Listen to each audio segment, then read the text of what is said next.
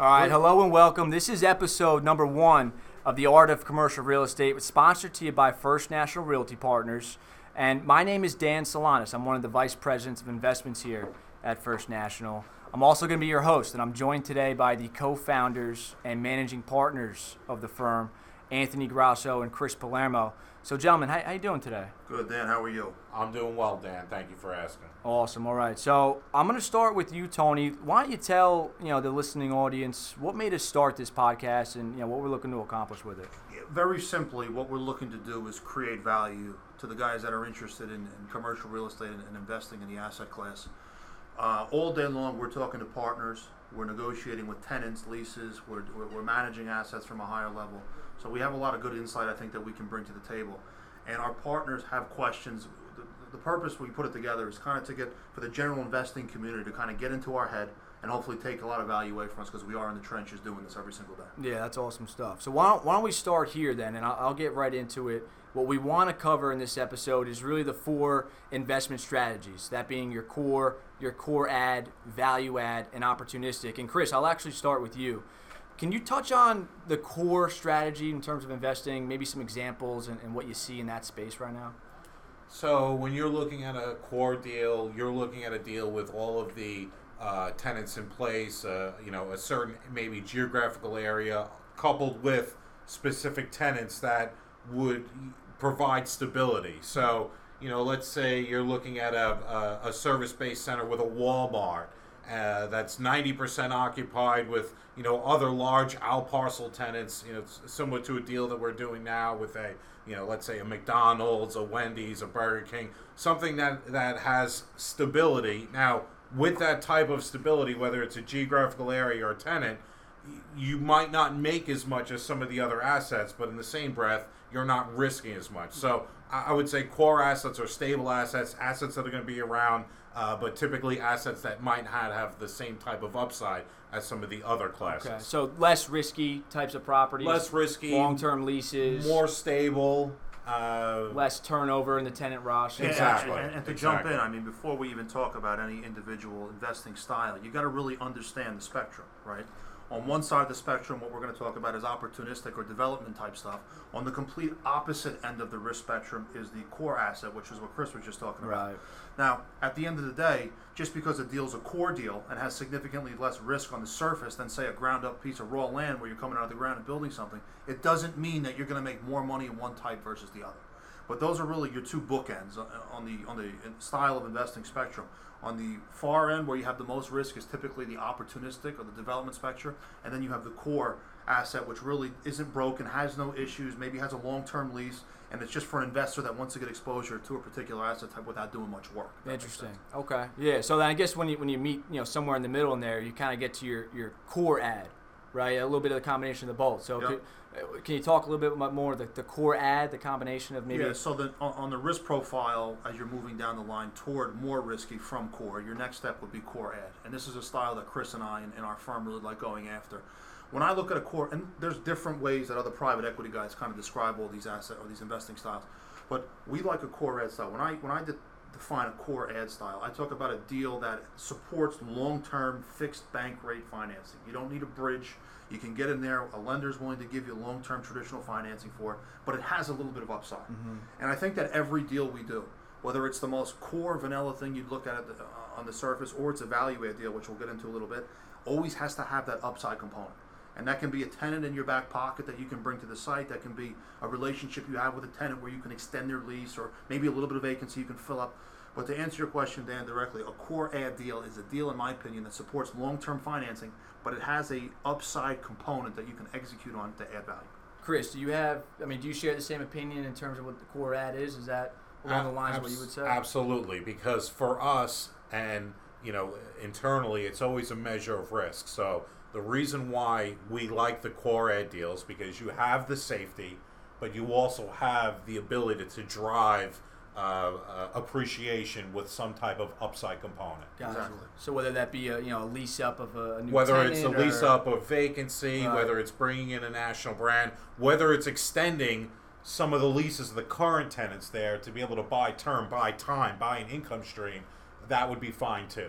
Okay. So, So- something that's stable, but yet still has, I mean, you know, a significant amount of upside potentially in the deal too. A- absolutely. Ultimately. That's that's that's that's really the basis of what we try to focus on because you kind of get the best of both worlds. if that makes sense. And, and for us, just to go off on a little bit of a tangent here, if we're going after a pure core deal, not a core add or a value add deal, but just a pure core deal, there has to be some type of upside component. So if other investors look at a deal and say that's a core deal, if we can't increase net operating income or increase the overall value of the asset we're going after, we're not touching it.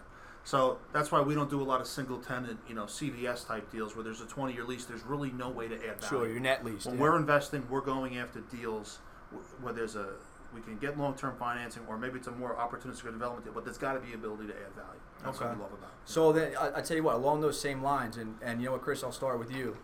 Value add, a little bit different than core add, right? You don't have necessarily the same stability from you know tenants. Maybe you have a little bit more lease up, or you have um, you know a pad site potential. W- What do you like about value add? And can you kind of talk about what value add, you know, really is, and, and some properties that would fit that description? Yeah, so you know, we've done a couple of value add uh, properties, a couple of deals that we've done. You know, what I can say is you have to be a little bit more patient. You have to be able to have a vision on exactly what you can do. With that being said, uh, if you can follow through on that game plan, it can be very, very profitable. But as far as as we're concerned, we like to go into areas that are geographically going to be viable for a period of time. So if we find a center that was, let's say, mismanaged and there's a value add, we want to make sure that we're protected with an area that we think is going to be consistent, consistently growing. Right. Okay. So, but in general, when you're doing value add, you have to be a little bit more patient and, and have to be able to follow through on a game plan because there could be period of time, eh, quarters, maybe even years, for that asset to turn around. But when it does, you know the the value could be there. okay. And Tony, I know you like value add, right? I mean, why don't you why don't you talk a little bit about? Yeah, about? well, you know, I think the definition of value add, to answer your question, is to take that core add where that little bit of upside and kind of increase the amount of upside on the deal. So a, a value add deal may be, and, and again, different investors look at it a little bit differently, but a value add deal may be a, a, deal that's cash that, that maybe is 40% occupied, and you got to get in there and you got to lease out space to create value. It not, Mhm. might not support long term financing out of the gate. You might need to get bridge financing or go in all cash and do your work. Uh, it could also be something even a little bit more extreme, where let's say you're re- and this gets closer to the opportunistic side of, the spectrum. You might be going into a, an old loft building and repositioning it, or taking a you know a, mall, a regional mall property, demalling it, and, and building mixed use and all stuff on that. So, you know, the definition, in my opinion, of a value add deal is a deal that doesn't support long-term financing, may have positive cash flow, but you're going to go in there with a bridge. You're going to execute a business plan. You're going to increase the net operating income probably at a level that's more than a core add deal. You know, Mhm. they're all kind of on the same spectrum there. And then you're going to look to, you know, put long-term debt or, or exit the property and sell it to a core holder. That's a value add deal, in my opinion. Okay. So for value add, just to kind of you know bring it full full circle here, is, is the goal when you're going into one of those properties? Are you looking to, to, to lease up the spaces, whatever it is, and then and then refinance out? Are you looking to sell it at that point, or is that a property you would hold long term? I mean, when you talk about me, what I do is probably different than what a million other investors do. Some guys like to get in there, fix a broken property, refinance, pull their capital out, hold it long term. Viable strategy. Some guys like to get in there, do their work, sell it to a core holder, a pension, an institution, a major, you know, a, a big institution that wants to just get exposure to the asset class and make their money that way. You know, Chris and I in our funds, we have all kinds of funds. We have development pools of money that we put into development deals. We have money that we put into value add. We put the lion's share of our money in our core, in our, in our main funds into core and core add type deals. Um, you know, but at the end of the day, there's always an exit strategy for private equity guys. You get in, you fix a problem, and then you look to get out. Yeah, and, and, and I'll just say to that effect, a property that we took full cycle, and any property for that matter, is for sale at, at any time for the right price. With that being said, if we take a value add and we transition to a core deal and we're able to refinance our capital and hold it for many years, well, that's fine too. Right, no better situation to be in. So then, Tony, you mentioned it earlier. You kind of touched on, on the opportunistic side of things with development play and whatnot. Uh, What do you like about the opportunistic plays? Do you, do you see a lot of opportunities out there for those types of properties? you know, there'll always be an opportunity in the in the timing of the cycle with, with developing stuff. You know, and, and There's guys that just do development. I think the most important thing before it, it's pretty simple. What is what is opportunistic, right? What is that? That's your question. What is development? What is opportunistic? Which is one spectrum of the four investment styles we're talking about. When you go into a piece of raw land or a piece of maybe it's entitled, and you get in there and you build out of the ground, and historically that's going to produce the highest internal rate of return. But I want to kind of elaborate on everything we're talking about here because just because you're in the development space doesn't mean that you're making more money than guys that are in the core space. Sure. You know, the we're talking in generalities here, and in real estate, generalities really, you know, they don't jive with how we invest. Generalities don't make sense. I mean, there you might have, let's say you have, um, you know, you're gonna you're about to get approved for 250 units to build on a piece of raw land in a super fast growing market, Mhm. and you've got that approval in your back pocket. Or you've done your homework, your attorneys know, right?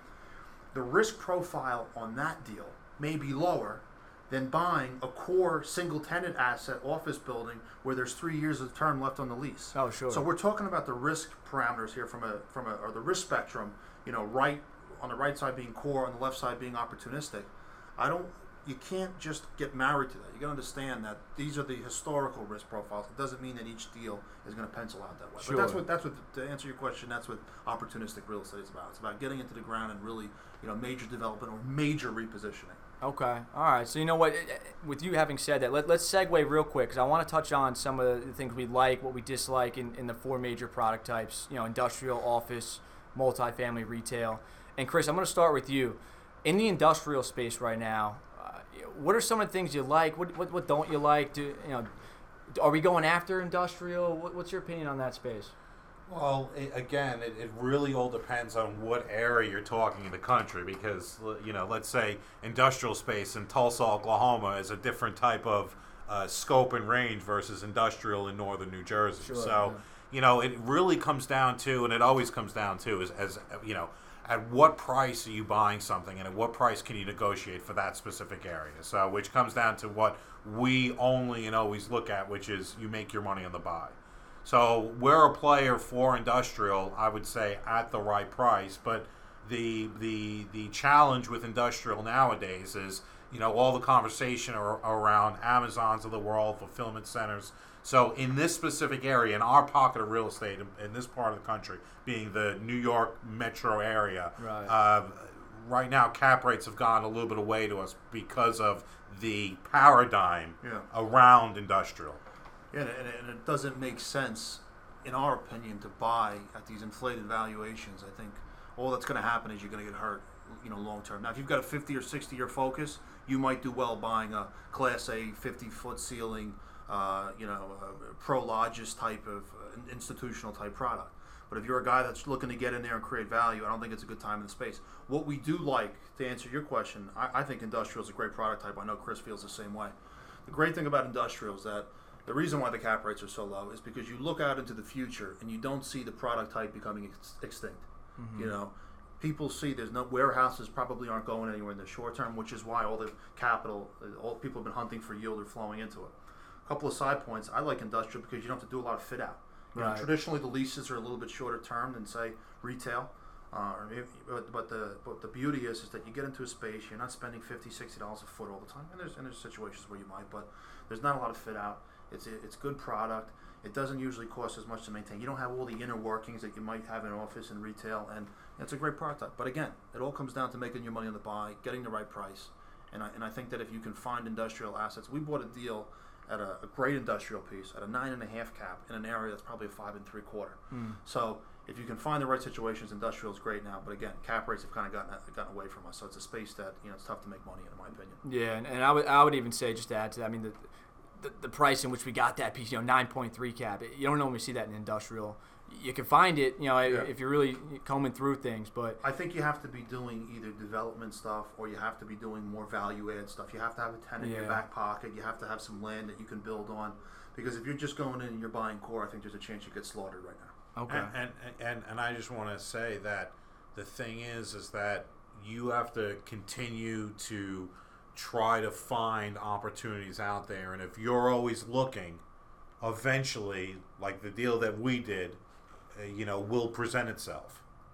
So you, you have to you know you have to keep looking. Right, right. Great if, you- point. if you look through enough deals, I mean, you're, you're, you're going to find one. Right? Yeah, the op- the opportunities are there. It's just it's like anything in life that's great. It just doesn't happen overnight. You have to persevere and you have to find it. And sometimes it might seem impossible to find great deals, but I assure you, if you work long and hard and you look, eventually opportunities will be created. You'll And- get that call where someone And, and, and that's the issue with dealing with generalities is, is if you're out there, you're looking at a thousand industrial deals, even though cap rates nationwide from a broad standpoint may be compressed and maybe Right. a hot product type, you're going to step in poo, if there's a better word to use.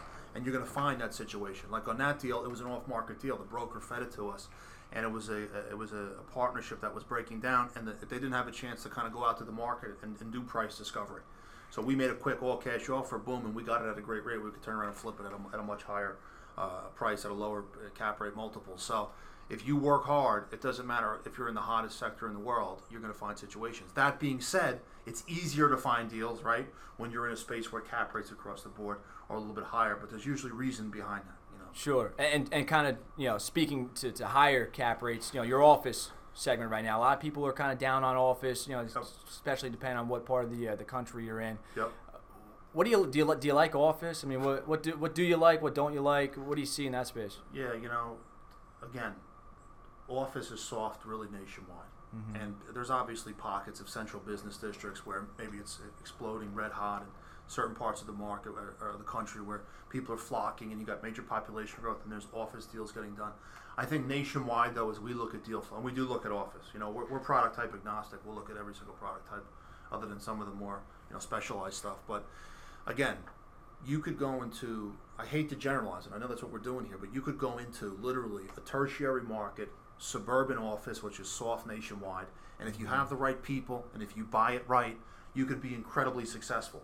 Whereas you could go into the hottest industrial corridor, let's say North Jersey, and you got the wrong people there and you manage to mess it up. So uh, I think that office, if you can buy right, makes sense. It's not a place where we're going after heavily now because some of the reasons that you just mentioned, it is a little bit softer, and I think there's better opportunity in other pockets of stuff. What we do like though is if we can find medical office, and why medical office is because the tenants invest heavily into their spaces. Mm-hmm. Doctors overall have relationships with their patients that are in the area. Right, they're, they stick, sign- they're sticky tenants. they're right? very sticky. That's, Yeah. that's what we call them, sticky tenants. And they usually sign very long-term leases. So the combination of a long-term lease, the tenant's heavily invested, they got a lot of skin in the game, and they seldom leave, gives us a sticky tenant. So if we were looking in the office space, and Chris, you can elaborate if you like, uh, I think we, we you know we, we, we like the medical space. Yeah, well, I think that the way you balance out risk for office is is term, Right. and as Tony is saying, the type of tenants. The the medical office across the country uh, is is very hot. Office in general may be weak, and that's due to the fact that if we have a a, a downturn in the economy, you know, mom and pop uh, businesses they could easily just work out of their home. So it's usually the first to you know hit in the cycle, which uh, you know creates challenges for us. The funny thing is that's the complete opposite for medical. So it, it really comes down to the tenant mi- mix and the uh, you know the term that you have. Right, and you know you made a good point because I think the fact that more people, you know, nowadays are working from home, right, and are doing things like go-to meeting and webinars where you don't need the office, you know, space that maybe you know 10, 15 years ago was required. Um, that, that that's playing a big factor into I think why you know office is, is softened over the years. And, and that being said, though, look, we're opportunistic guys. I don't mean opportunistic from development. I mean we're opportunistic investors. We're looking for situations where we can find value where others aren't looking. So you could go into an area and find an office building with long-term leases, with great tenants in great shape, and you might be able to make a, a home run there. And who cares? It's office, right? It's, it's, if it's good product, it's well located. Just because office is soft nationwide or globally or whatever, it doesn't mean office doesn't have utility. All the stuff that we're bidding on, we think has utility for the foreseeable for our lifetimes. You know what I mean? So, uh, office at the right price makes a lot of sense. You just got to make your money on the buy. You got to look at the situation. And again, the reason why we're product type agnostic is because opportunity presents itself. You don't want to be married to one specific situation. If a 15 capital, we did a deal last year with a Class A office building with a lot of medical tenants in there at a 15 cap. It's unheard of. Why were we able to get it? Because we weren't married to one prototype. A situation arose, we went after it, and who cares? It's office. Here we got medical guys in there. There's some general guys in there, but we made a home run on the deal. So, you know, I think office can make sense if you're investing in a bubble from a 50,000 foot view. Office is soft on nationwide. Yeah, but that's that's the opportunity for us. While people are talking in generalities, we're turning around and peeling back the onion layer by layer.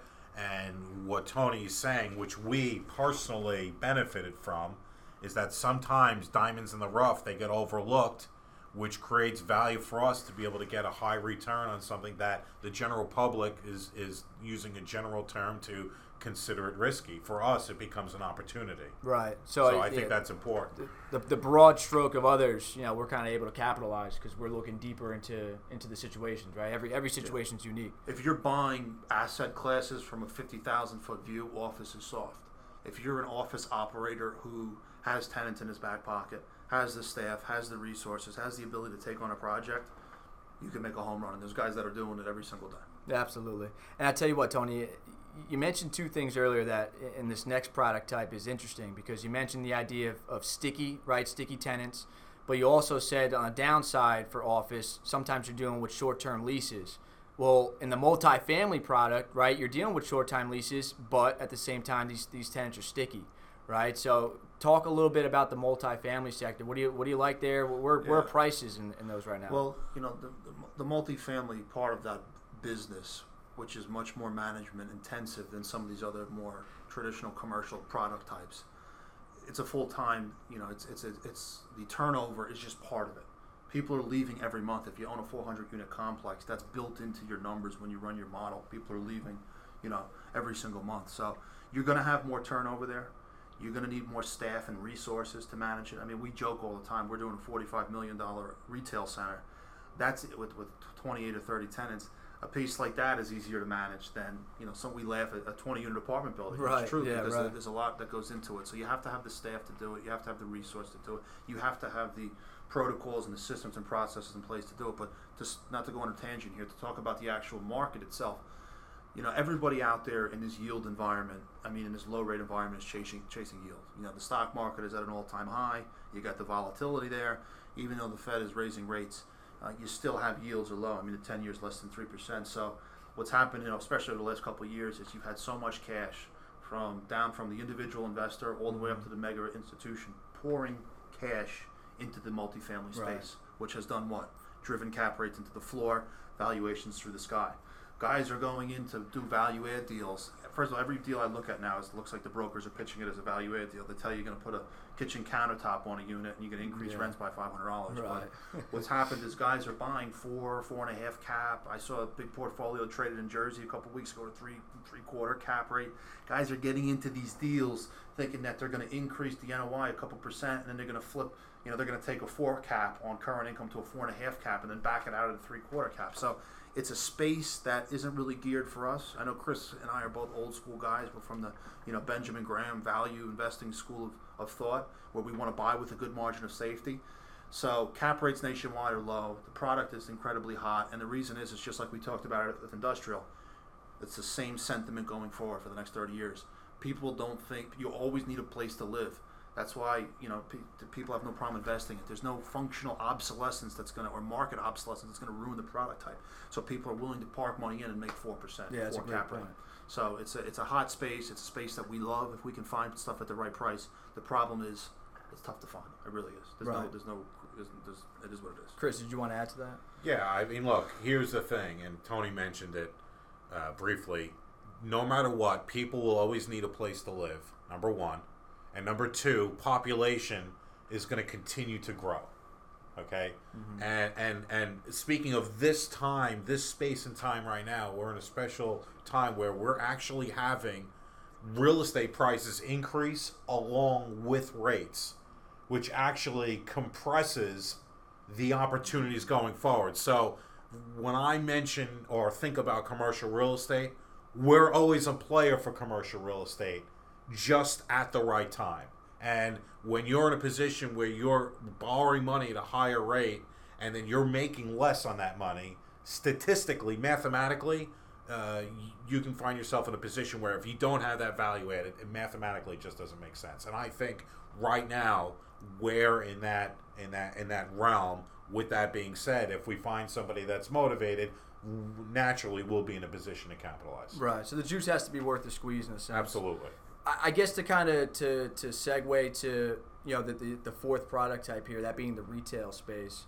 Um, we like retail, right? I mean, we think there's a lot of opportunity in retail. It's kind of getting a, a negative uh, connotation in, in the news, but we Yep. like where retail is. Tony, where you see retail right now, is it doing as bad as everyone is saying it's doing, and where do you see the Well, opportunities? You know, we like a saying. I think it was Buffett or whoever Graham, one of those you know dinosaurs that said, "When there's blood on the street, you want to be greedy, and when there's exuberance, you want to stay away." Right? Something Right. along those lines. Yes. Right? And I, and I think that that's what's going on in the retail space. There's one thing though that we didn't elaborate, which really segues into this nicely, is that each product type there's subcategories in each product type. Right. So, you know, uh, an 80 foot state of the art Amazon type fulfillment uh, facility is a different type of industrial asset than the junk house 12 cap in the middle of Ohio in the sticks with 10 foot ceilings that was built in 1880. Sure. So we're talking in, again in generalities, which I hate to do, but the truth is is that in these asset classes, there's sub asset classes.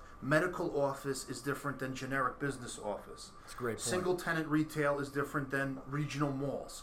So when we talk about the four major food groups, four product types here, you really got to understand that there's niches in each one, and there's guys that are fabulously fanta- successful in each one. Mm-hmm. And when I, the reason I bring this up with retail is because retail right now is incredibly strong.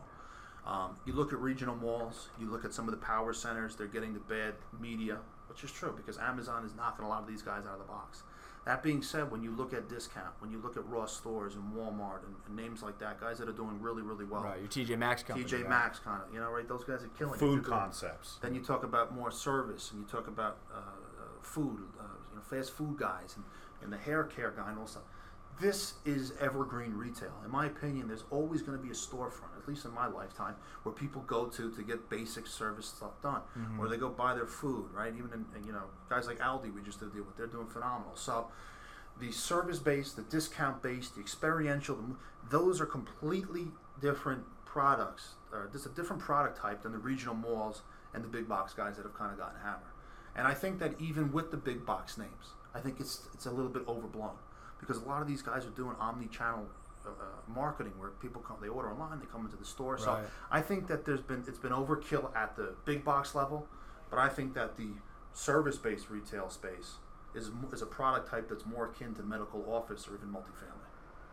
which I think has given us a, uh, a lot of opportunities because the problem is is that the way you know the general public look at things, they look at things in generalities, unfortunately, and service related retail, for instance, is a, a totally different scope and risk to let's say uh, big box retail that really is taking a hit. And with that being said, as far as taking a hit against Amazon, this is not a new conversation this is a 20 year old conversation that has been going on and the truth is is that there have been a lot of retailers that have been able to uh, mold uh, like a chameleon with the time and, and change some of their policies and a lot of these stores are doing uh, are thriving Right. Walmart's a great example of that, right? Yeah. so Walmart, for instance, we're doing a Walmart deal. They they brought in the grocer concept. They're directly competing with Amazon with deliveries and in-store pickups, and they're also discount oriented. So they'll always have a place. Uh, And know, not to cut you off, but to jump in on Walmart, I mean, you look at some of these boxes. Walmart has some of the best real estate in the world, so I think that they're going to be able to use their their big boxes. They're close as hell to their customers. They're in some of the mm-hmm. best places ever. You know, you talk about the online pickup type of situation. They probably have better retail real estate close to their customers, obviously, than Amazon does. Yeah. They're going to use those stores not only for their pure retail, but guys can come and pick up and stuff. like They're going to be delivering. So I I didn't mean to cut you off there, but Walmart has great. They're close to their customers because they're in some of the best retail locations out there. So, uh, you know, these, these these service type centers, these community type centers, I think they're go- they're going to flourish. They're going to do really well, and because of the uh, so-called blood that's been going on, the bloodbath with these with the bigger regional mall type stuff, cap rates have come up, valuations have come down to to an extent if you can buy right, at least more than multifamily or industrial. So it's a space that Chris and I have been going after pretty heavily, and we've we found some really good deals. And you know, kind of where we're looking at now is, you know, we're looking at areas that have, you know, high growth rates, where there's going to be traffic, where there's going to be population, and then we try to marry a tenant uh, mix that we think is going to be around 30 years from now. So, you know, what ends up happening is is is you know so that our our viewers can get a vision of what we're doing. We might look at a thousand properties in all different asset classes and we're looking at reasons on why we think you know we could lose money and then what ends up happening is is we end up getting a small pool of assets based on geographical areas along with tenants that we're willing to play ball on because the, the two things have to be again you make your money on the buy and you have to make sure that you're in a position or a place where you're going to have customers go or, or, or you know some type of traffic Yeah, so you know, you bring up a good point because I don't think a, lot of people. I don't think they think far enough into the idea of, of tenant synergy, right? At- at a center, that being a place where you can go and get your groceries, get your hair done, see your doctor, and you're seeing a lot more. I think retail centers incorporate all facets of of the service and needs based retail, so that it could be the one stop shop. Well, right, you for- nailed for you your nailed it on the head. Uh, You know, when we look at a property, that's exactly the first thing that we do. We look at what tenants in that area will complement the current tenants that are there. Yeah, and you know what's funny is what happens too is you talk about these big boxes that go out and stuff like that. What happens is a big box is going to pay pound for pound less from a base rent square foot uh, uh, number than uh, dollars from a dollar standpoint than a small inline store, right? So what happens is a, a forty or fifty thousand foot box goes out, a, a value add guy comes in, he chops it up, and instead of getting eight bucks a foot triple net, now he gets I don't know four, 13, 14 bucks a, a foot triple net. He's got to put the money in, but now the center is worth a little bit more money. So, uh, you know, the, is the is the landscape changing, guys? I think it definitely is. Uh, you know, I think that if you, but I think I think there's good opportunity there. Yeah, and to that point, I think actually it has actually created an even bigger opportunity uh, because of the uncertainty out there. Professional operators like Tony and I are able to go in there and see value where people aren't even looking, which is so, great. in closing, I mean, I think what I'll just say is, what does it come down to? Chris said it a bunch of times. You got to buy right. You know, it doesn't matter what asset class you're in. All these four product types, they have some utility at least if you're in the right places. But you got to buy right. You got to look at a lot of deals, and if you do that, you give yourself a chance to be successful in any product type, whether it's a low cap rate environment, whether it's a rising rate environment, or whether vice versa. If you do your due diligence, you look at a lot of deals, you make a lot of offers, you're going to find opportunity. Office, most generic office down to the hottest retail, whatever doesn't matter. You got to look, make a lot of offers, and you got to you know you know work harder to find deal flow. That's what it comes down to. And, and my closing thought would be this be patient. When you buy a property, you have to have a clear vision on exactly what you can do. You have to be mindful of what type of risk you have, and you have to have the long term plan. If you can fit all of those into what it is that you're doing, you'll be uh, 10 steps further than the other guy that doesn't have that plan. Awesome stuff, guys. Awesome stuff. All right. Well, listen. Thanks for joining us for the first episode here of um, the art of commercial real estate. We're gonna look to get episode two out sometime next week. So in the meantime, check out the website fnrpusa.com. You can see Tony and Chris's profiles on the website, and feel free to reach out to us anytime if you ever have any questions, commercial real estate and uh, investing related. We're always open to speak. I know Tony, you're always speaking with guys. Chris, you are as well. So again, fnrpusa.com is the website. Make sure to check it out and check us out next week for episode two.